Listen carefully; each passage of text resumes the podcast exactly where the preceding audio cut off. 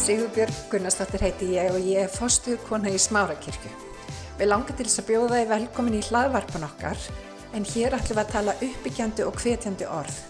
Ég vona svo sannlega að þetta blessi þig og hveti þið áfram til að gera góða hluti í lífinu. Við erum svo opbúslega hérna, við erum svo blessuð. Við erum stægilega bara stundum alveg bara hálf sérstakt í þessu litla landi hvað búa miklu ræfileikar hérna. Finnst ykkur það ekki merkilegt? Og ég er alveg samfann um það að Guð hefur eitthvað, stórt hlutverk fyrir Ísland á þessum komandi tímum og dögum sem við lifum á. Og þá er bara spurningin um það, getur að nota okkur? Ég vil vera, ég vil vera kér sem að við getum notað.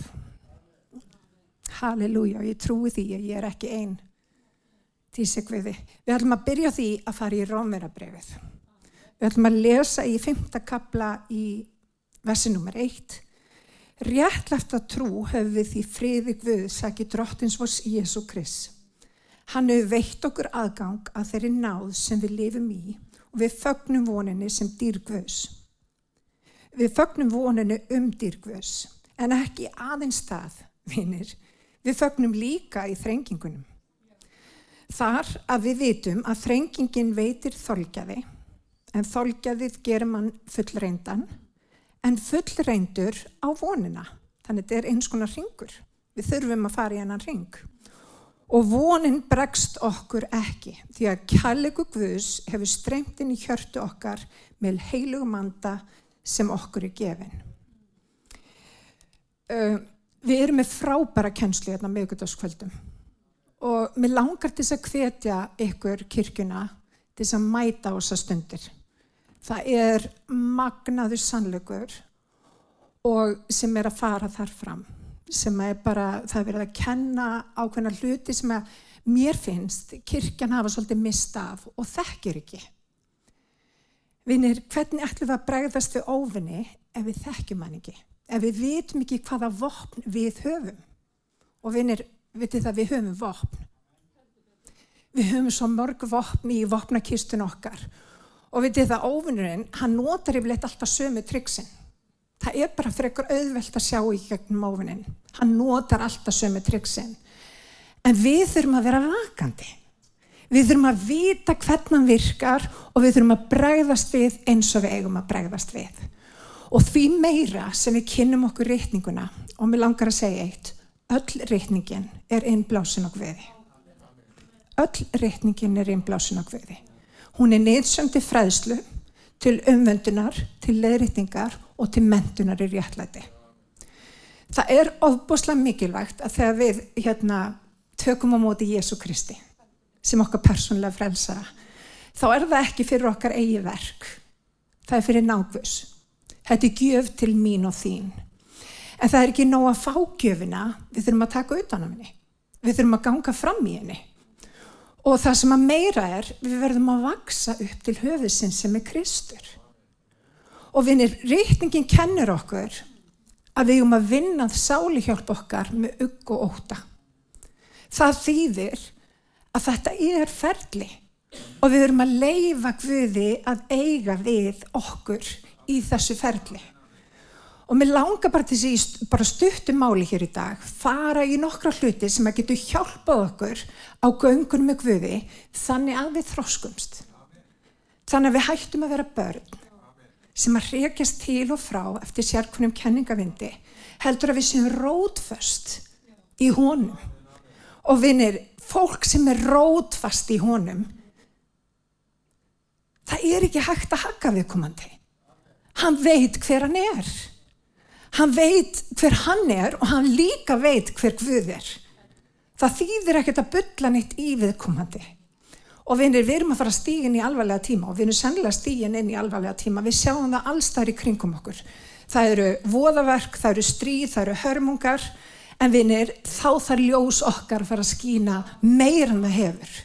Og við þurfum að passa að við erum ekki með ljósið okkar undir mælikeri eins og rítningin kennir heldur að leifa Guði að lýsa ljósi sínu í gegnum okkur má ég heyra með þannig að það er okkar verkefni í dag það er að leifa Guði að eiga við okkur að vera í samfélagi Guð og vaksa upp til höfusinn sem er Kristur. Og það er það sem er svo frábært. Og við gerum það, þú veist, á, það eru vogaskálar í Guði. Það er eiginlega ekki tægt að útskýra nýtt öruvísi.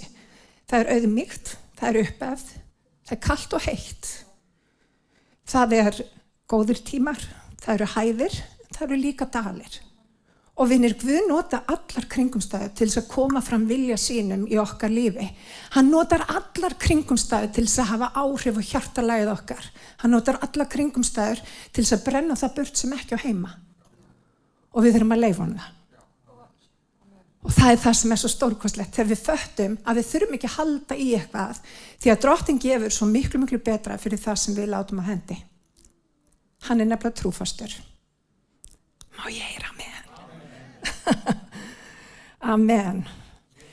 En það sem að, mér langar kannski aðeins að fara úti hér í dag, það er það hvernig notar eigðimerkur göngu til þess að búa til uh, hans mynd í okkur. Og við þekkjum það og við erum búin að vera að fara í það á miðugudum hvernig, þið veitir, þessi för Ísælsmanna út úr Egiptalandi og þið, þið muni hvernig þið settu blóð á dýrastafi í húsinu sínu og það þurfti að vera lítalust lamp sem að þau fórnuðu og þá talaðu um að þeir átt að borða allt lampið fyrir sólsetur og, og þeir gerði þetta til þess að varna því að elsti sonurinn myndi deyja. Og svo fór, þið vitið, um, svo fór hérna fram hjá engil döðans. Og við vitum það að þeir sem að voru með blóðið á dýrastafnum, þeir eruðu hólpnir.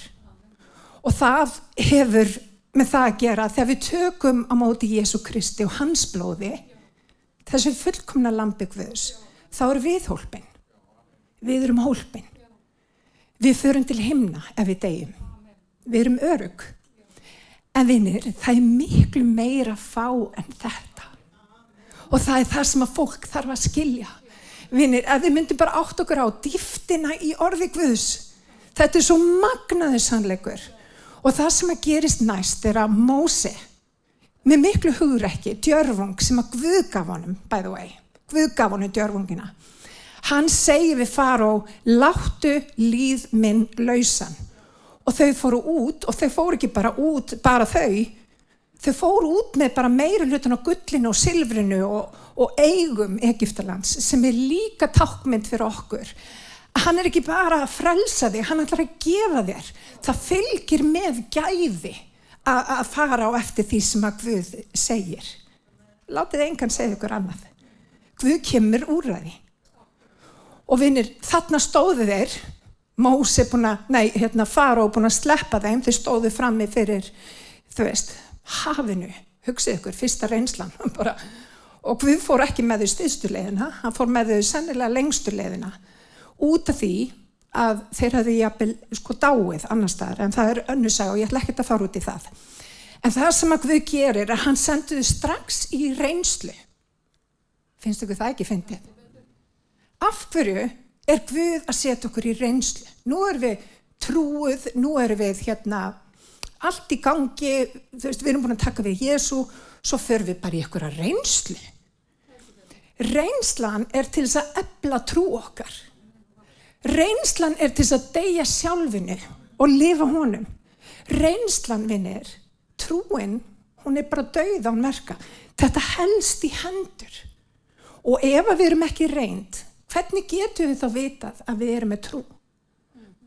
Trúin byggist í rauninni á mörgu leiti á reynslu. Það sem að við þurfum að sleppa tökunum og lefa Guði að taka við.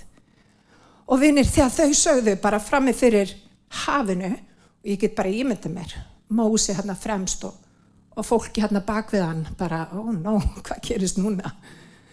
Spáðið í þessu myndi einhvert okkar vilja verið í þessum kringustæðum, ekki ég, takk fyrir, ekki alltaf mig hérna út í, út í hafið hérna fyrir utan. En vinnir, Mósi hafði engan annan kost heldur hann að treysta Guði. Og það er það sem að gerist í reynslunni. Við höfum engan annan kost heldur hann að treysta Guði. Og vinnir, þegar það er engin annar kostur en að treysta Guð þá gerir Guð stórkostlegustu kraftaverkin. Og mér langar í dag að láta þið vita ef að þú stendur frammi fyrir einhverju rauðu hafi í þínu lífi. Sleftu eigin higgjuviti. Sleftu eigin skoðunum á öllu sem að þið veitir skiptir engu máli og treystu Guði. Lefðu honum að gera það sem hann vil gera í kringum staðnum. Og hvað gerir Mósi? Hann liftur upp stafnum. Og við vitum það að allt í hennu bara þurkast upp vegurinn og þeir fara úr því að vera í Egiptalandi yfir um hafið og yfir í eigðimörkina. Og þá hefst alveg svakalega ganga. Eigðimörku gangan. Ákkur fór Guð ekki með Ísæls menn beintin í Kanasland. Ákkurat, góð punktur, er þið þetta? Þá voru vandamál. og vinir það sem að fólk kemur saman, þar eru vandamál. En það sem að gerist líka, það sem að fólk kemur saman, að við brínum hvort annað. Guð notar samfélagi til þess að við lærum að þekka hvort annað, til þess að við, þur, við þurfum að laga það sem ekki á heima. Við þurfum að endur skoða sjálf okkur ofta tíðum í samfélagi trúara. En Guð notar, vinnir, hann notar eigðumörkina til þess að deyða ákveðna hluti í líf okkar. Má ég heyra með henn? hann er bleið deyðir það sem heitir ég um mig frá mér til mín, fýblið sem við köllum, sem er oft í hásætun okkar. Við vitum allt best og, og það er bara svona, þið veitir, fyrir mikið fyrir okkur. En það sem að gerist í eigðumörkinu er að þetta ég um mig frá mér til mín, það þarf að deyja. Akkurat. Og það er frábært þegar það gerist. Og það er sama er á göngunum með Guði. Þetta er algjör mynd af okkar andlu göngu. Vinni, við byrjum á því að frelsa, svo förum við í gegnum skýrnina. Það er hafið sem við löpuð yfir. En síðan kemur reynslan og þá myndast þetta þolgæfi Vinnir, þegar við förum í gegnum reynslu þá breytist sín okkar. Og það er það sem að Guð vill að ná fram í líf okkar með þeim tíma og við þurfum að leifa honum það. Og mér langar aðeins að fara í gegnum hvernig við getum, þið vitið, leift Guð að eiga við líf okkar. Númer eitt, hann sá þeim fyrir vatni. Hann sá þeim fyrir vatni. Kletturinn sem fyldi Ísæðsmönnum var kallaðu Kristur. Og vinir, við veitum í dag að við erum veist, undir öðrum sáttmála, mun, mun betri sáttmála. Ekki einu sinni hægt að bera það saman. Andi Guðs er í okkur. Og hann hefur sagt í orði sínu að frá okkur muni renna lækir lifandi vats. Ekki sagt. Við skulum bara fara í reytninguna þannig að þið haldi ekki ég sé að búa eitthvað til. En það er í Jóhannessi 7.38 frá hjarta þessum trúir munir henn að lækir lifandi vas eins og reytningin segir. Þannig að við þurfum að leifa Kristi að flæða frá okkur. Við þurfum líka að leifa Kristi, klettunum Kristi, að næra okkur. Og of margir, vinnir, gleima að leifa klettunum að næra sig. Við erum kannski í eigðumörku göngu, það er þurft í kringum okkur, en ef við leifum ekki Kristi í hjart okkar og eiga þetta samfélag við Krist, þá fer það sem er ytra, eigðumörkin, að smitast inn í þið innra. Og því meður, þá verði ég að segja, það er mjög áberandi í kirkjum í dag. Okkur skortir nándar samfélag við drottin og frelsar okkar. Við þurfum að leifa klettunum að gefa okkur vatninir. Og við þurfum að, við þurfum að nærast að klettunum. Og við megum ekki vera þannig Kristinn líður að við erum bara með eina sam, samlokku á sunnudögunum. Við þurfum að vita hver við erum í drottni. Við þurfum að standa á loforum hans. En hvernig getur þú stað á loforum ef þú veist ekki einu sinni hver þau eru? Og þess vegna gaf við þeim manna. Í eigðimörkinni þá gaf þeim manna. Og það var svona brauð sem að byrtist á mótnana sem að þau gáttu tínt saman. En hvernig tíndu þau brauðið? Hvað þurftu þeir að gera? Þau þurft að fara, þau þurft að beigja sig. Sem hefur líka mjög mikla skýrskotum fyrir okkur vinnir. Þegar kemur á orði Guðs, þá veit Guð best. Við beigjum okkur fyrir því. Við hlustum á það sem hann hefur fram að færa. Við þykjumst ekki vitrar en Guð. Og kirkjan þar aftur, og ég, þegar ég tala um kirkjuna þá tala ég um mig. Við þurfum að tjekka okkur af hvað þetta varðar. Það sem að Guð hefur sagt, það hefur Guð sagt. Punktur. Ég bæti engu við. Ég drega ekkert frá. Það sem að ég geri í minni eðmerku göngu þegar ég er komin á eðmerku kringumstæður, ég auðmikið mig fyrir honum. Ég tek upp það brauð og ég borða brauðið sem að hann hefur fyrir mig. Maður heyra með hann. Vinir, og annaði mannað, svo ég gleymi ekki, mannað var bara fyrir hvern þann dag sem að, hérna, það þýtti ekkert að, að, að týna manna fyrir vikuna. Það þurfti nefnilega að týna upp manna daglega. Og vinni, fyrir okkar manna í dag, það er Jésu, það eru orð hans, það er biblían. Og við þurfum að borða mannað á hverjum einasta degi vinnir. Og við mögum ekki geima það út af þá verður það miklu. Og það hefur líka ákveðna tilvísum fyrir okkur. Vinni, við getum ekki lifað af blessun gerdagsins.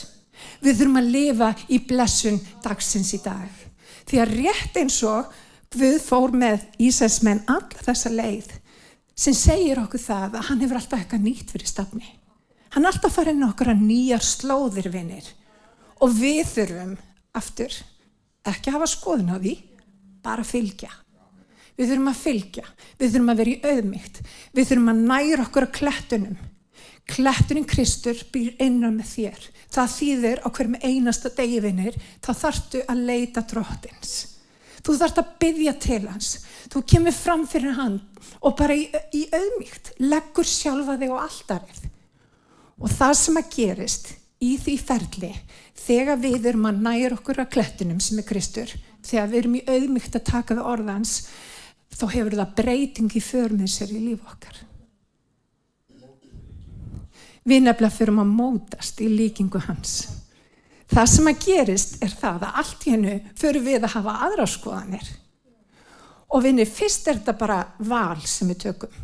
Það er enginn sem að fæ bara einhvern veginn gæsóð fyrir því að auðmyggja sig fyrir guði. Þú bara gerir það. Og það er sama með, veist, önnu prinsip í orðu guðs, til dæmis eins og fyrirgefning og öðru slíku. Ekki býð eftir í gæsóð. Hlýttu bara. Og ég er að byrja guðum að gefa mér hlýðni. Nú, þú veist, að ég bú ekki til eitthvað svona, þið vitið, ég er nefnilega svolítið gæsóða manneska, ég vil hafa hlutina svolítið svona gegja það. En vitið það, gæsóð er góð, hún er það. Það er indislegt að fá gæsóð og yfirlega hérna á sanguminn þá fæ ég gæsóð. En okkar andlega líf byggist ekki á gæsóð. Og mér langar að segja þetta aftur, okkar andlega líf má ekki byggjast á gæsahúð því að gæsahúð eru ekki rætur.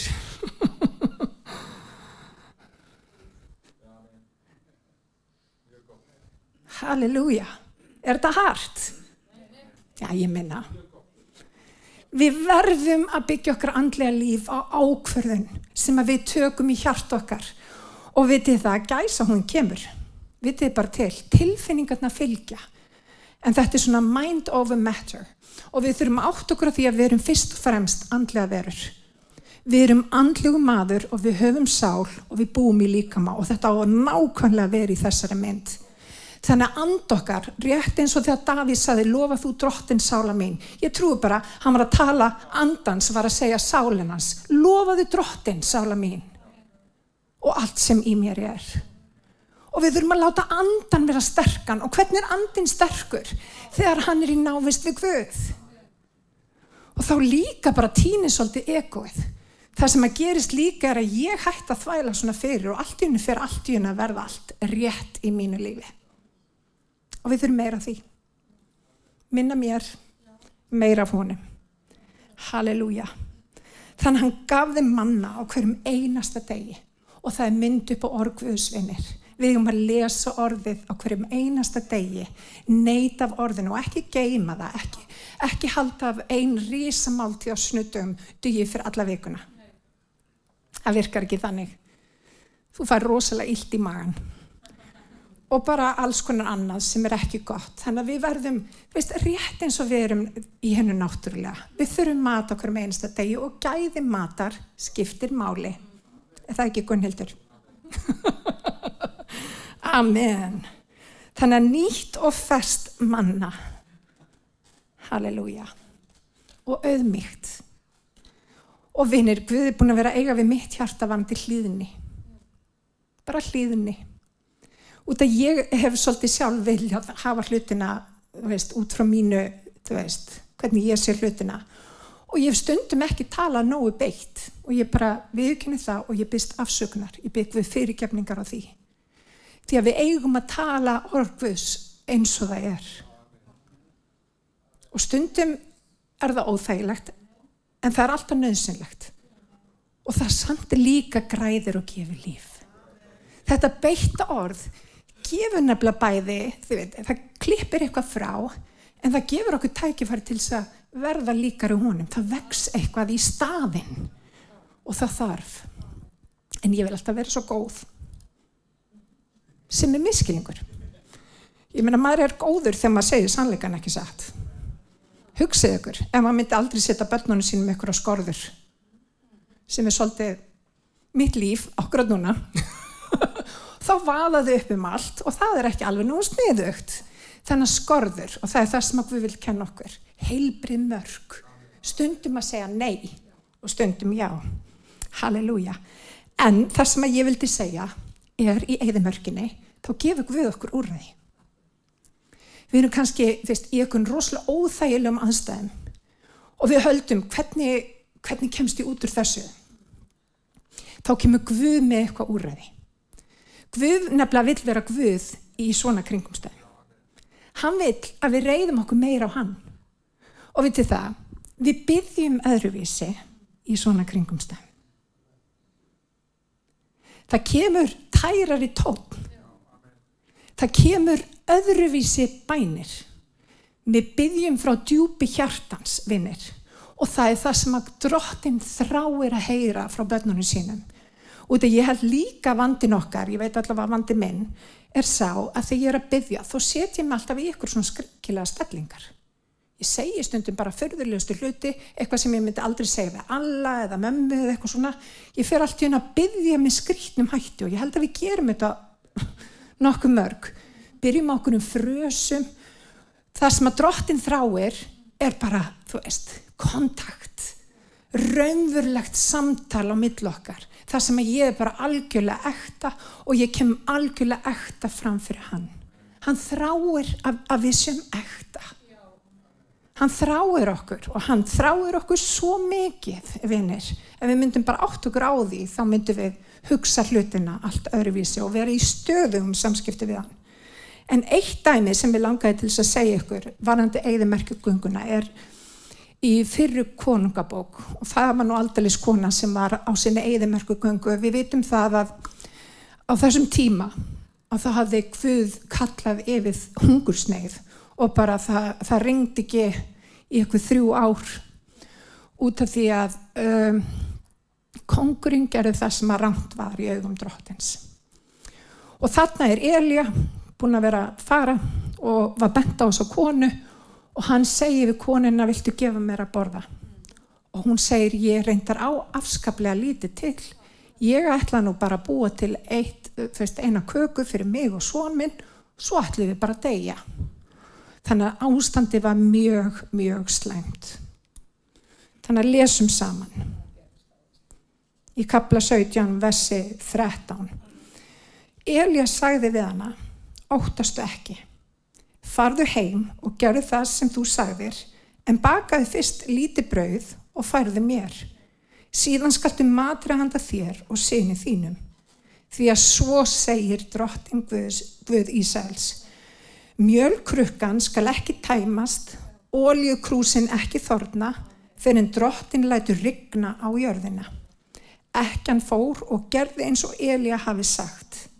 höfði hún, Elja og sonur hennar öll nóg að borða um langa hríð. Mjölkrukkan tæmdist ekki og ekki þraut ólja í krúsni. Það var í samrami við orðdróttin sem hann hafði flutt af munni Elja. Það sem hann nefnilega gerist í eigðumorkinni er að Guð opnar nýjar dyr. Guð opnar nýjar dyr í eigðumörkinni, vinir. Það eru gríðarlega tækifæri í eigðumörkinni. Þannig að ef að þú ert í eigðumörk, byttu Guð um að sína þér opnu dyrnar sem að hann hefur fyrir þig. Guð líka notar eigðumörkina til að deyða það sem þarf í líf okkar og gefa okkur þór úræði sem við þurfum á að halda. Ef vinir, margir gefast upp í eigðumörkinni. Og í staði fyrir að leita Guðs, í staði fyrir að byggja Guðum að sína sér hvað hann er að sína okkur og hvað hann er að gera, þá gefist við upp. Ekki gera það. Því að Guð gerir stæðstu kraftaverkin sín í eigðumörk, vinir. Og þegar Guð leiður okkur út í eigðumörk, það mun samverka okkur til góðs. Við kannski sjáum það ekki á þeim tímapunkti, en það mun samverka okkur til góðs. Halleluja. Og það sem að gerist er það að við förum að líkjast honum, við förum að, deyja okkur sjálfum og við förum að, að, að rýsa upp með nýjum hættu og við fáum nýja sín. Við fáum nýja sín á hlutina og við erum búin að vera að tala um sjón, við erum búin að vera að tala um það að sjá Jésu, við sjáum Jésu um öðrum hætti í eigðumörkinni. Er svo dýrmætur í eigðumörkinni. Reytingin kennir hann er liljan ljúf í dalnum. Þú kynnist eðli Guðs með alveg sérstökum hætti þú ert að gangi gegn meðmörk. Og ástæða fyrir því að Ísæls menn gátt ekki að fara beintinn í Kanasland er út af því að sín þeirra þurft að breytast. Og vinni sín okkar líka. Guð þráir að gefa þið sín sem er þannig, sem er eins og örnin. Hann flýgur yfir kringum staðnar. Og við hérna fólkið hans, við höfum of oft verið bara á jörðinni, hort á hlutinu út frá mannlegu sjónarhóttni. Og hefð mannlega segir okkur í dag að það er ekki mikil von. En einn guðlega segir þegar svartasta myrkrið er þá er stiðst í tíminn til sólaruppbrás. Og vinir, við erum að fara að upplifa stórkoslega hluti og við, ekki, sko, við erum að fara að upplifa hluti sem við höfum aldrei upplifað áður. Og það er svo sannarlega búið að vera mikið myrkur í gangi en Guð er að fara að koma með ljósitt, með sitt gegnum brot og ekki missa af því. Ekki gefast upp á síðustu metrónum, ekki missa af því sem að Guð hefur fyrir þig. Því hann hefur stórkastlega hluti fyrir þig. Má ég heyra með hann? Halleluja. Halleluja. En hann býr til mögnu úræði. Halleluja. Hann vil gefa okkur sanna von. Og við eigum ekki vinnir að formæla eigðumörkinni. Hún er vegur Guðs inn í fyrirreitna landið. Hún er vegur Guðs. Davíð þurft að fara í gegnum sína eigðumörk til að verða konungur. Vinnir, Guð notaði hans eigðumörk til að mynda sinn vilja í Davíð. Það var þannig. Sama með Jósef. Jósef þurfti að vera fara í gegnum alla þá reynslu til þess að reynast hæður að vera næst ráðandi í Egiptalandi. Hann þurfti að fara í gegnum það. Og tölnum ekki um Jóp. Muniði frásögnuna af Jóp. Það er bara, it went from bad to worse to worse to worse. Þetta var bara hrigalegt. Hrigalegt ástand. En veitir hvað Jóp gerði? Hann lofaði Guð. Meir þess að konan hans kvartan til þess að formæla Guði. Og hann sagði drottin tók, drottin gaf, drottin tók, lofa verið nafn drottins. Og leikilatriði vinnir, þegar við erum að fara í gegnum reynsluna, þegar við erum að fara í gegnum eigðumörkina, er ymmið þetta. Að fara að lofa Guð í öllum kringum stöðum. Vitið það þakklæti til dæmis, þetta er eitt aðsta form af lofgjörð. Verum þakklátt, verum rík af þakklátt semi.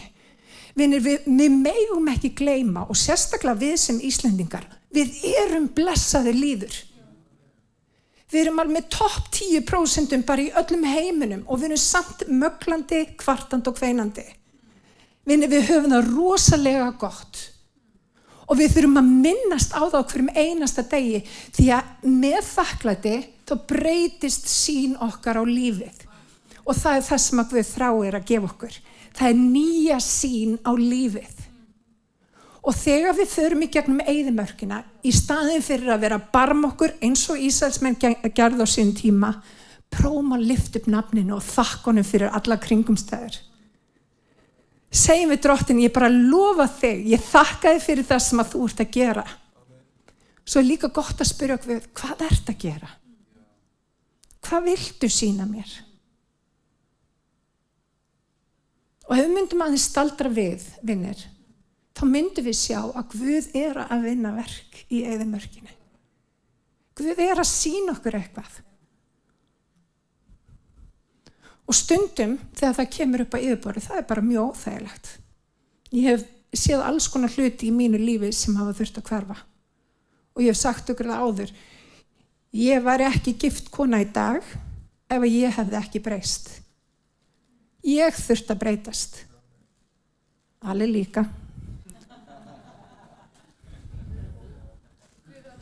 Þið haldi nefnilega allir sér litli bröð Jésu. Allir er ekki fullkominn. Ég þurfti samt að breytast meira. Aftur. Hvað gerði það að miskun sinni við mig? Og vitið það þegar við erum að koma fram með hluti upp á yfirborði í líf okkar auðmyggjum okkur bara. Byggjum við að hreins okkur. Byggjum við að helga okkur. Byggjum við um að gefa okkur nýja sín á lífið. Reynslu sem fer ekki bara í reynslubankan heldur verður eins og gullsteinn í byggingun okkar. Því hann er að byggja hús. Hann er að byggja hús. Og það þarf að eigða burtu trí hei og holmi. Það þarf að eigða því burtu. Og það er gert með reynslu vinnir. Það er gert með reynslu. Það er fullkomlega eðlilegt þegar við förum í gegnum reynsluna. Fyrsta skrefið er bara æ, æ, auðmingja ég. ég er rosalega góð í því. en síðan, þegar við erum komin á dýbri stað með Guð og við förum átt okkur á því hann notar alla kringustar, þá spyrjum við Guð.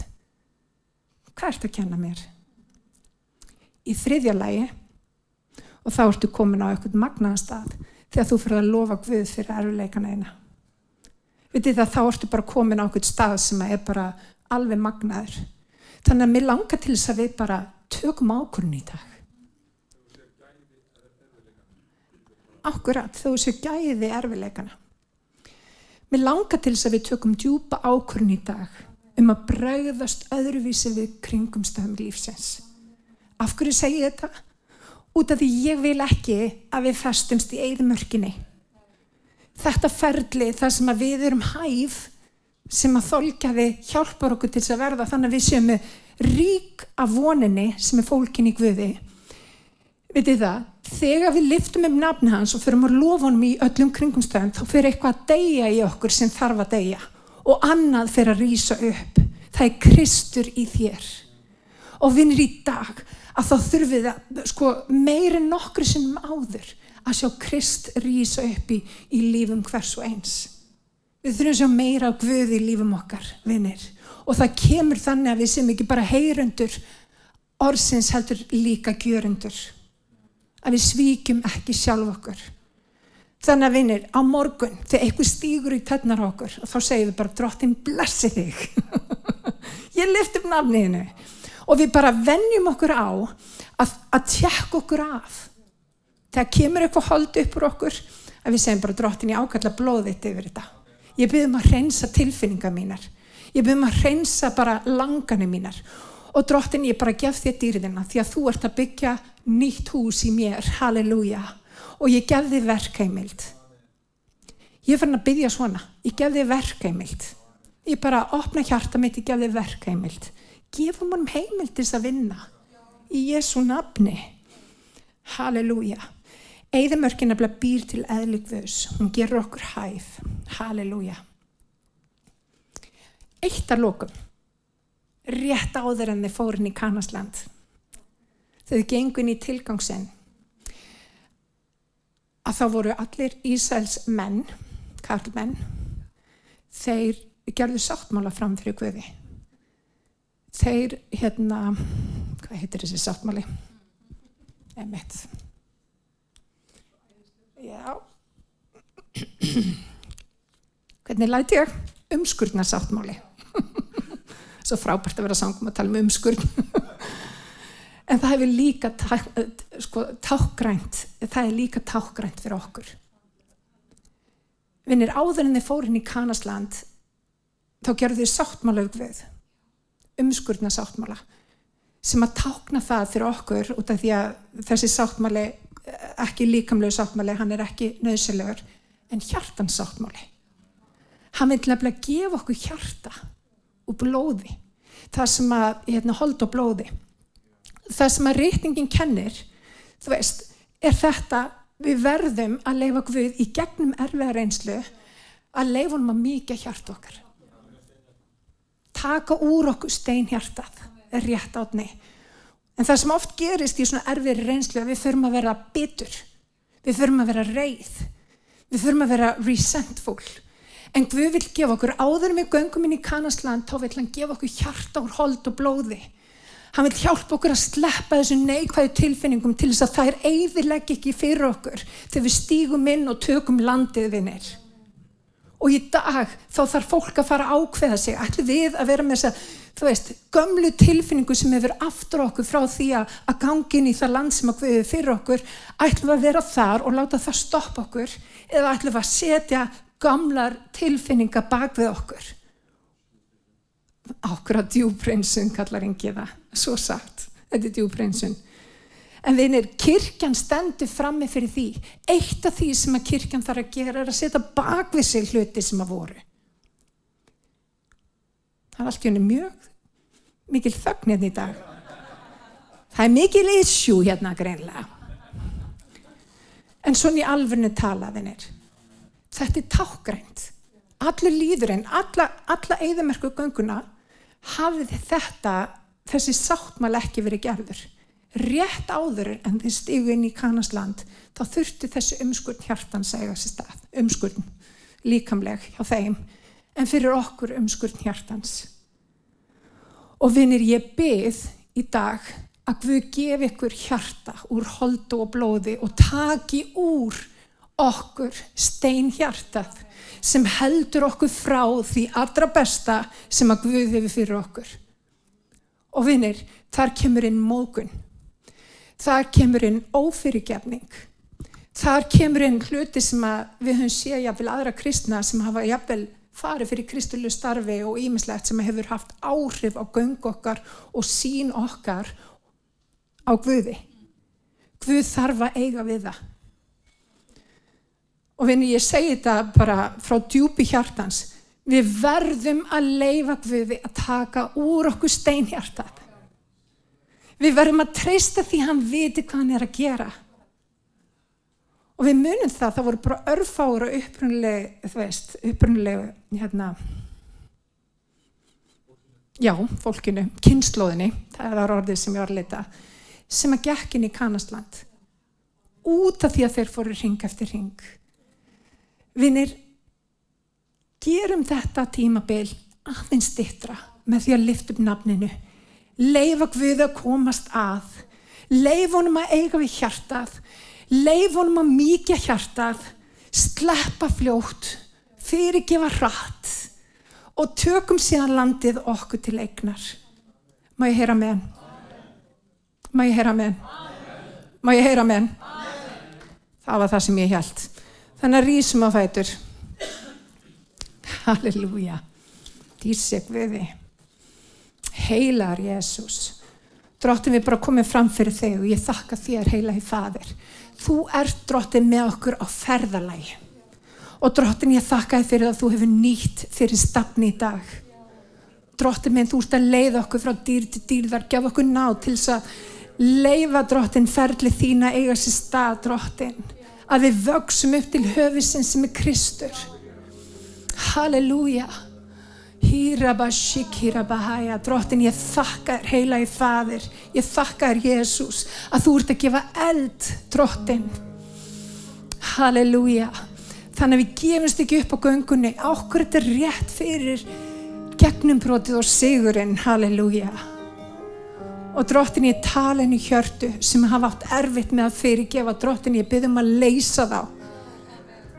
Halleluja, leistu drottin minn, ég sendi nafn þitt inn í hjört okkar.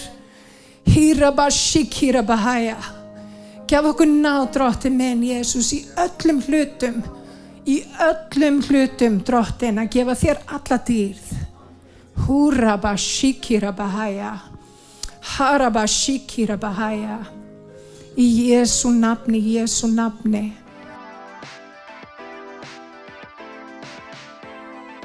Ég hveti til þess að stilla inn á okkur með reglum hætti því að hér verður alltaf eitthvað nýtt á nálinni. Takk fyrir að hlusta.